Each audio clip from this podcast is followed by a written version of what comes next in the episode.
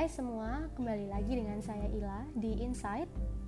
Episode kali ini saya ingin membahas tentang perbedaan antara dua profesi yang sering dikaitkan dengan kesehatan mental, yaitu psikiater dan psikolog. Kenapa saya membahas ini? Karena banyak teman-teman yang menanyakan sebetulnya apa sih perbedaan antara psikiater dan psikolog. Beberapa juga keliru, mereka mencari psikolog tapi menyebutnya dengan psikiater sehingga saya rasa uh, di sini saya perlu meluruskan sebetulnya kedua buah profesi ini berbeda. Kita mulai dari latar belakang pendidikannya terlebih dahulu. Untuk psikiater, mereka merupakan lulusan dari S1 kedokteran yang melanjutkan S2 spesialis kejiwaan, sehingga psikiater itu adalah seorang dokter.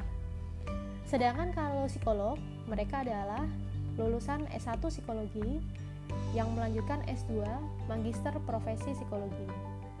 Lalu setelah lulus bergelar sebagai psikolog. Kemudian mengenai treatment. Karena psikiater ini adalah seorang dokter, maka dia memiliki uh, hak untuk meresepkan obat sehingga dalam melakukan treatment untuk menyembuhkan pasien-pasiennya psikiater ini bisa menggunakan obat. Bahkan obat ini termasuk salah satu ciri khas treatment yang dilakukan oleh psikiater. Sedangkan psikolog hanya adalah melakukan terapi sehingga psikolog ini tidak memberikan obat pada saat uh, treatment penyembuhan pasien. Dan lagi yang perlu teman-teman sekalian ketahui, psikologi itu tidak hanya berkaitan dengan gangguan jiwa. Untuk teman-teman psikolog yang berpraktik mengatasi gangguan jiwa, Berarti teman-teman ini merupakan psikolog dengan kompetensi bidang klinis atau singkatnya disebut psikolog klinis. Nah, klinis ini sendiri juga dibagi lagi menjadi dua, yaitu klinis dewasa dan klinis anak. Kemudian, eh, selain psikolog klinis, ada juga psikolog pendidikan yang eh, concern di dunia pendidikan membantu eh, institusi-institusi pendidikan uh, mengcreate sistem pendidikan yang efektif untuk mencapai hasil didik yang maksimal. Ada lagi psikolog industri organisasi seperti saya juga fokusnya di bidang tersebut. Kami membantu teman-teman di perusahaan untuk mengcreate pengelolaan SDM yang efektif untuk mencapai visi misi perusahaan. Lalu ada juga psikolog forensik yang fokusnya adalah membantu uh, mengungkap eh, kasus-kasus uh, yang berkaitan dengan kriminalitas. Nah, sehingga dari sini teman-teman perlu uh, ingat bahwa psikolog itu tidak hanya mengatasi gangguan jiwa, sehingga psikolog itu tidak hanya bidang klinis saja, tetapi banyak bidang yang menjadi fokus kami, di mana kami juga berkontribusi uh, berkaitan dengan um, bidang tersebut.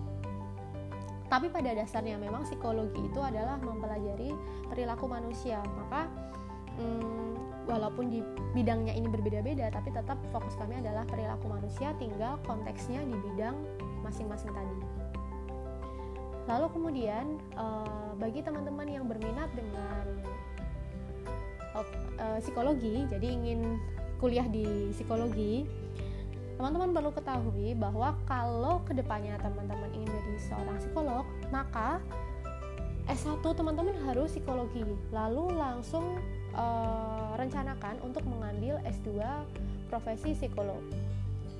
Karena tanpa mengambil S2 profesi psikologi, maka teman-teman tidak memiliki gelar psikolog.